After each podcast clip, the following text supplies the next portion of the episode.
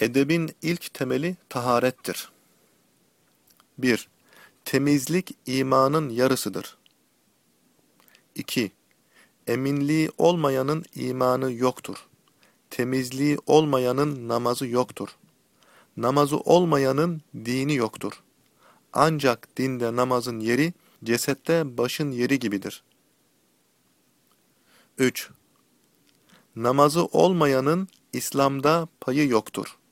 Abdesti olmayanın namazı yoktur. 4. Asılırsanız, yakılırsanız, parça parça olursanız bile hiçbir şeyi Allah'la eş tutmayın. Bile bile kasten namazı terk etmeyin. Kim ki onu kasten terk ederse milletten çıkmıştır. Büyük günahları irtikab etmeyin.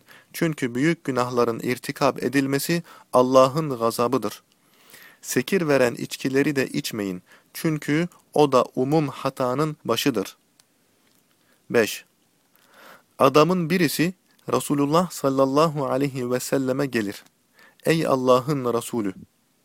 Onu işlemekle cennete gireceğim ameli bana öğret der. Bunun üzerine Resulü Muhterem sallallahu aleyhi ve sellem ona, yakılsan ve azaplandırılsan bile Allah'a bir şey eş etme. Annen baban seni malından çıkarsalar bile yine onlara boyun eğ ve onlarla istişare et. Her şeyden seni mahrum etseler bile nasihatlerini dinle. Kasti olarak namazı terk etme. Kim ki kasten inanmayarak namazı terk ederse, şüphesiz Allah'ın zimmetinden beri olmuştur. 6. Allah Teala, İslam dininde dört şeyi farz kılmıştır.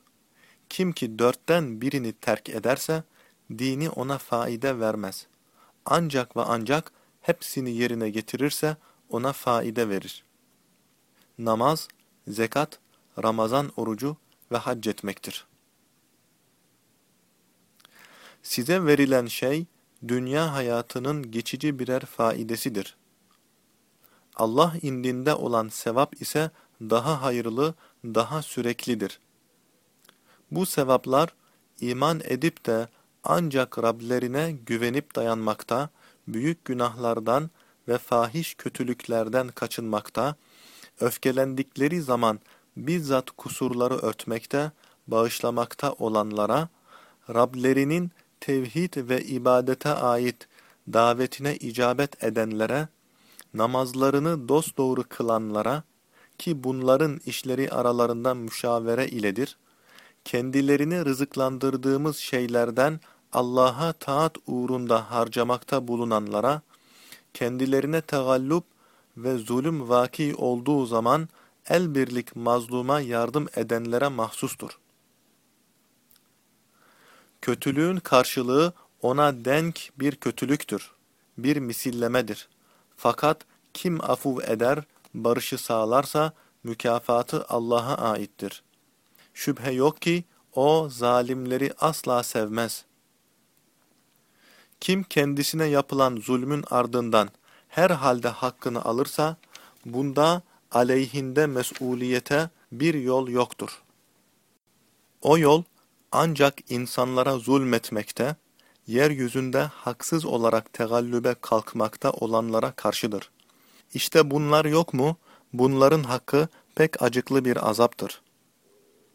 Bununla beraber kim sabreder, suçları örterse, bağışlarsa, işte bu şüphesiz ve elbet azm olunacak umurdandır. İzah Yukarıdaki hadis ve ayetlerde sekiz büyük ahlak emredilmiştir. 1. Allah Teala'yı bir tek bilip ona ibadet etmek. 2.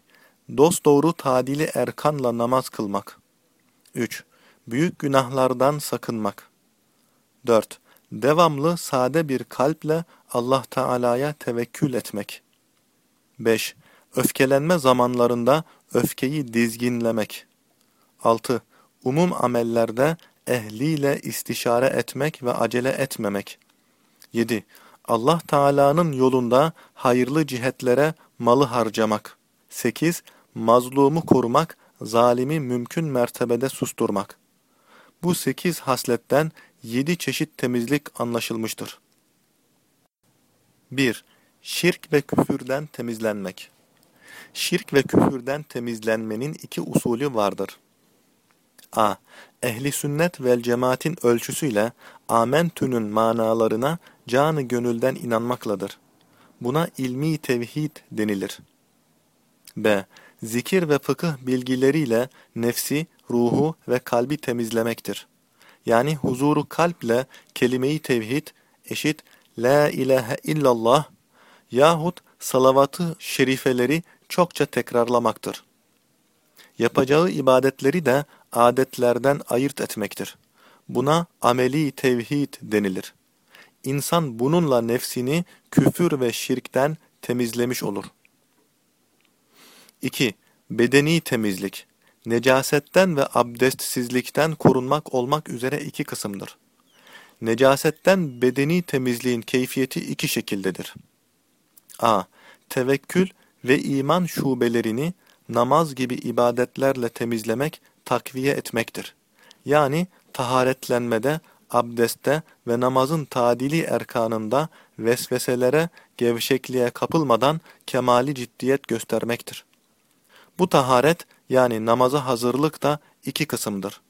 Bu iki kısmın da esasını tarif edelim, kalan kısmını ise ilmihal kitaplarına bırakalım. Birincisi, necasetlerden temizlenmektir. Bedenimizi ve libasımızı necasetten temizlediğimizde şu kaideye riayet etmeliyiz. Necasetin izalesinde daima temizleyici olan suyu temizlenen yerin üstünden akıtmalıdır. Mesela mendilimizi yıkadığımızda musluğun, hortumun veya ibrik gibi herhangi bir kabın yani mecrasının altında bulundurmalıyız. Elimizi yıkadığımızda kabın içine sokmayıp yine su mecrasının altında temizleyeceğiz. Bu keyfiyetle temizlenen şey suyun altında olup üzerine suyun devamlı veya musluk olmadığında kesik kesik gelmesi gerekir. Ayrıca necaseti izale eden suyun tekrar olarak yıkanan şeye dönmemesi şarttır. Burada ince bir nokta var. O da medeni ve dini olan taharetlenmedir. Maalesef gençlerimizden daha ziyade birçok ihtiyarlarımız hatta imam ve müezzinlerimiz taharetlenme ibadetini gayrimüslimlerin temizlenmelerinden ayırt etmemektedirler. Mesela gayrimüslimlerin taharetlenmelerinde necasetin altta veya üstte kalması şart olmayıp hatta eserinin izalesi bile söz konusu olmadığından musluğun karşısında oturur. Ön ve arkasına bol su döker. El değdirmez. Bu keyfiyet mecusilerin ve rafizilerin taharetlenme usulüdür. Ehli kitap ise necaset eserinin izalesini bilmediğinden sağ veya sol eliyle kap veya musluktan su alır. Alttan necaset mahalline vurur. Tırnaklarıyla necaseti oradan alır. Musluğa götürür. Kullandığı elini temizlerken musluğun altını pisler. Şimdi musluktan akan su necaset üzerine geldiğinden pislenmiş olur. Ondan sıçrayan elbiseyi de pisler. Bu takdirde taharetlenmemiş olur ve temiz elbiseleri de necis olur. Mecradan aldığı suyun necaset mahalline değmesiyle necaset mahallinden el ve suya damlayanla elde getirdiği su da necis oluyor. Her iki takdirde de elindeki necis su ile necaseti izale edemez. İşte taharetlenmede temizlik de olmamıştır. Öyleyse şu kaideye de riayet etmelidir. Her halde sol el sağa hizmetçi, taharetlenmede sağ el sola hizmetçidir. Binaenaleyh kazai hacetten sonra hortum veyahut ibriğin kulpu sağ elle tutulup önden kasıkla hayalar arasından su akıtılır. Bu arada sol el, sol ayağın dışından baldırla uyluk arasına sokulur ve onunla ovuşturularak necaset izale edilir.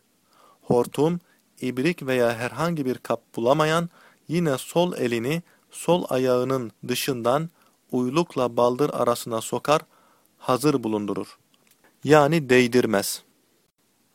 Ancak musluktan veya kabın içinden sağ eliyle suyu getirip haya ile kasık arasından döktükten sonra sol elle necaseti izale eder. Bu keyfiyetle su, necasetin üstünden gelmiş ve onu yerinden izale etmiş olur. Yani bu surette sağ el seyyar olur. Her iki surette de sol el sabit kalır. Şu halde necasetin zevali değil, izalesi şarttır.